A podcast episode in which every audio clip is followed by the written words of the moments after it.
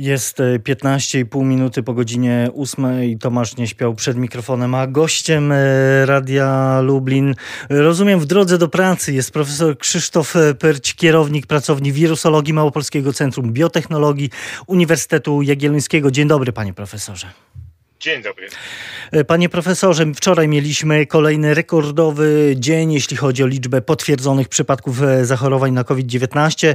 Ponad 6,5 tysiąca osób zostało zakażonych. E, czy musimy się przyzwyczaić do takich liczb w tym najbliższym okresie? To znaczy, ja tutaj nie użyłbym słowa przyzwyczaić, bo tutaj to przyzwyczajenie no, będzie dosyć bolesne. Natomiast no, niestety musimy się spodziewać, że nawet jeżeli teraz zareagujemy bardzo ostro yy, pod względem ograniczania siebie i siebie nawzajem, e, to te efekty będą widoczne dopiero za dłuższy czas, więc no można się spodziewać, że ta liczba będzie się albo utrzymywała, albo wręcz rosła w nadchodzących dniach czy tygodniach. E, bo e, to, o czym rozmawiamy dzisiaj, to jest tak naprawdę, jak rozumiem, efekt zachorowań sprzed tygodnia, dwóch czy zakażeń, prawda? Naszych zachowań. Znaczy, Inaczej, to co, ta liczba przypadków, którą dzisiaj obserwujemy, to jest faktycznie efekt zachowań sprzed tygodnia, dwóch. Natomiast ta liczba ofiar śmiertelnych to jest efekt y, y, liczby zakażonych właśnie też tydzień, dwa tygodnie temu. Więc tak naprawdę te wzrosty, które widzimy dzisiaj e, w liczbie przypadków, no niestety przełożą się e, na liczbę ciężkich przypadków i liczbę ofiar śmiertelnych dopiero za tydzień, dwa czy nawet trzy. E, jeszcze niedawno mówił pan profesor w komentarzu dla Polskiej Agencji Prasowej, nie należy się dziwić wzrostem zachorowań na COVID-19, ponieważ od lat eksperci przepowiadali taką sytuację i szczerze mówiąc teraz przeraża mnie to zdziwienie. No właśnie, bo dzisiaj wszyscy patrzymy z ogromnym zdziwieniem na te rekordowe liczby a właściwie y, nie ma co się dziwić. No, zupełnie nie ma co się dziwić, bo y, no, zachował się ten wirus i ta choroba tak, jak no, każda podobna choroba się zachowuje. Y, myślę, że tutaj mieliśmy troszkę ulgi w lecie ze względu na właśnie wyższe temperatury, lepsze warunki, brak czynników współistniejących. E, natomiast no, wraz z nadejściem jesieni no, można się spodziewać, że po pierwsze wzrośnie transmisja, co widzimy teraz. I to jest po pierwsze efekt samej pogody na wirusa, ale też efekt naszych, zmiany naszych zachowań w momencie, kiedy się robi zimno, robi się nieprzyjemnie. E, no my jednak wtedy siedzimy więcej w domach, w jakichś zamkniętych pomieszczeniach, czas spędzamy wspólnie ze znajomymi, ale już nie na świeżym powietrzu, tylko na małej przestrzeni.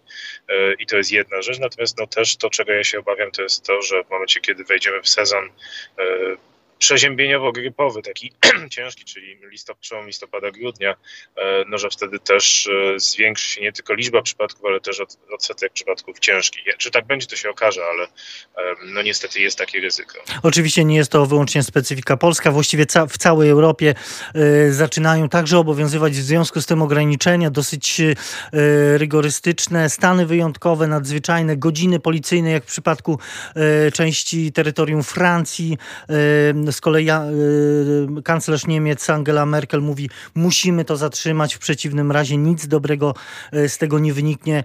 Mm, czy jest szansa, panie profesorze? Ja wiem, że pan profesor odpowiada na to pytanie pewnie kilka czy kilkanaście razy dziennie na powstrzymanie tego wirusa. Y, to znaczy, jeszcze raz trzeba sobie uświadomić, że powstrzymanie w tym momencie jest nierealistyczne. Możemy zmniejszać efekty. Tak jak widzieliśmy na wiosnę. Próbować go zdławić bo, właśnie tak jak na wiosnę? No może nie aż tak jak na wiosnę, bo na wiosnę no to jednak był kompletny lockdown. Ja miał nadzieję, że uda się to bez takich drastycznych rozwiązań przeprowadzić, natomiast może nie być wyjścia. E, natomiast próbować utrzymać go poniżej y, tego poziomu, kiedy przekroczymy wydolność służby zdrowia, kiedy będzie na tyle dużo chorych, że osoby w ciężkim stanie nie będą w stanie dostać się do szpitala e, i zarówno z COVID-em, jak i z innymi schorzeniami, no i niestety nie otrzymają pomocy. Po prostu w związku z tym no, będą musiały umierać bez otrzymania żadnej pomocy medycznej. I jakby, e, no to jest ten, ten punkt, kiedy, kiedy już jakby dyskusja na temat słuszności czy niesłuszności się wprowadzania takich bardzo drastycznych ograniczeń się kończy. Mam nadzieję, że się uda bez tego zrobić, natomiast to by wymagało, nie wiem czy jeszcze dalej jest możliwe, wymagałoby bardzo stanowczych działań które miałyby na celu powstrzymanie tych zakażeń, zarówno ze strony decydentów, jak i ze strony każdego z nas, bo tak naprawdę to w największym stopniu to my decydujemy, co się wydarzy. Tutaj na pewno dużym niebezpieczeństwem obecnie są te wszystkie ruchy antyszczepionkowe, antykowidowe, które y, opowiadają o tym, że to nie jest zagrożenie, jakby kompletnie ignorując rzeczywistość, kiedy widzimy, co się dzieje w szpitalach, można prawda, akademicko dyskutować na temat różnych rzeczy, natomiast no, widzimy, że na całym świecie no, te efekty, jeżeli wybuchła epidemia z dużą mocą, efekty były tragiczne. Widzimy, że teraz czy słyszymy od y, dyrektorów szpitali, od lekarzy, że szpitale w szpitalach kończą się miejsca, jakby no tutaj już nie można ignorować rzeczywistości, bo to się na nas po prostu zemści. E, panie profesorze, to chciałem teraz zapytać e, o e, te doniesienia z ostatnich też dni, które docierają o powtórnych zakażeniach osób, które zostały uznane za ozdrowieńców. W Holandii zmarła pacjentka, u której wykryto koronawirusa ze zmienionym kodem genetycznym w porównaniu do pierwszego zakażenia. To znaczy, że wirus mutuje, no i wcale możemy się na niego nie, nie uodpornić, bo też takie tezy tezy niektórzy stawiają? Mm, nie, absolutnie to tego nie oznacza. Ten zmieniony kod genetyczny, to nie chodziło o to, że to był zmieniony kod genetyczny, tylko każdy wirus ma swój zestaw cech, tak taki wzór biometryczny, tak każdy z nas ma zestaw cech unikalnych, tak jak i wirus, także można rozróżnić, czy ktoś się nie przestał być chory i cały czas ten sam wirus znajduje się w jego organizmie, czy on się zaraził jakimś od kogoś innego nowym jakby e, wirusem. Natomiast te wirusy, które krążą w tej chwili na całym świecie, one są prawie że identyczne. To są zmiany właśnie, jak porównać to do ludzi, jakby koloru oczu, koloru włosów czy koloru skóry, natomiast one nie są na tyle różne, żeby umieć, umieć na razie unikać naszej odpowiedzi immunologicznej, e, nawzajem zakażając e, jakby tą samą osobę, jakby kilkukrotnie zakażając tą samą osobę różnymi szczepami. Tego nie ma w tym momencie i nie będzie jeszcze przez długi czas. Natomiast e, no, nasz układ immunologiczny tego typu zakażenia, szczególnie po łagodnym przejściu, nie uczy się tak do końca, jak taki wirus wygląda, albo raczej uczy się, ale też z czasem to zapomina. I to nie jest wyjątkowe dla tego wirusa. W przypadku wszystkich właściwie ludzkich, tych sezonowych koronawirusów, wirusów. Oczywiście to nie można przekładać jeden do jeden, natomiast no, to jest najbliższa aproksymacja, jaką możemy się posłużyć. E, w przypadku tych ludzkich koronawirusów e, sezonowych ta odporność utrzymuje się od kilku miesięcy, tak naprawdę do roku co roku chorujemy z powodu zakażenia tymi samymi gatunkami. Tam to jest przeziębienie, tutaj to jest niestety ciężka choroba, która e, zagraża życiu. Więc to nie chodzi o zmieniający się wirus, tylko o jakby e, naturę naszego e, układu odpornościowego i, i, i, i takie naturalne konsekwencje tego. Koronawirus to jedno, ale o czym też e, pan profesor od pewnego czasu e, mówi publicznie. Wkrótce mogą pojawić się kolejne niebezpieczne e, patogeny i trzeba wypracować strategię szybkiego reagowania na wypadek kolejnej epidemii. Na czym ta strategia, zdaniem pana profesora, powinna polegać? Jak ona powinna wyglądać?